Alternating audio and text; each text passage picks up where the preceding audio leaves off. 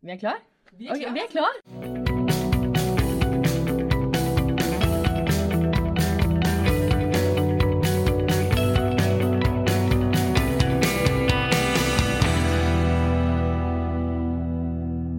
Hva, hva er det vi driver med nå, Kjetil? Godt spørsmål. Vi har full kontroll i hvert fall, det er noe helt sikkert. Vi skal lage en serie med podkaster Jaha, om hva da?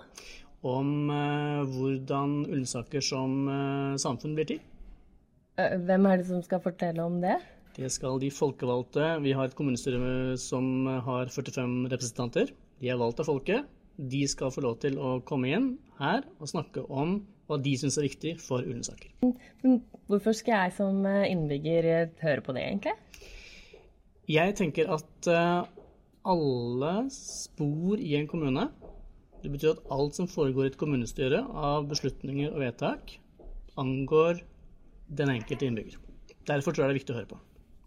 Så mm, hvor lang tid ville sånne podkaster ta? Hvor mye, hvor, hvor i dybden tror du de kommer til å gå? Det er jo Politikere snakker vel kanskje en del, tenker jeg? eller Politikere ikke. snakker ganske mye, eh, så vi har sagt at de får lov til å bruke 15 minutter hver gang.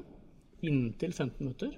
Vi tror også det er omtrent hvor lenge man orker å høre på eh, en gjeng politikere snakke om ting.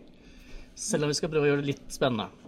Men hvis jeg blir kjempeengasjert i et av temaene som de tar opp, og jeg har egentlig lyst til å høre mer, hva, er det noen andre alternativer da? Kan jeg finne ut av mer om hva politikerne driver med? Ja, det kan du, fordi da kan du gå på nettsiden vår. Ullensaker kommunes nettsider. Eh, Der kan du lese mer om sakene. Du kan også se på kommunestyremøter, for de viser vi hver eneste gang direkte på web-TV. Eh, Du kan følge med på Facebook. Du kan følge med på Twitter. Du kan følge med på Instagram.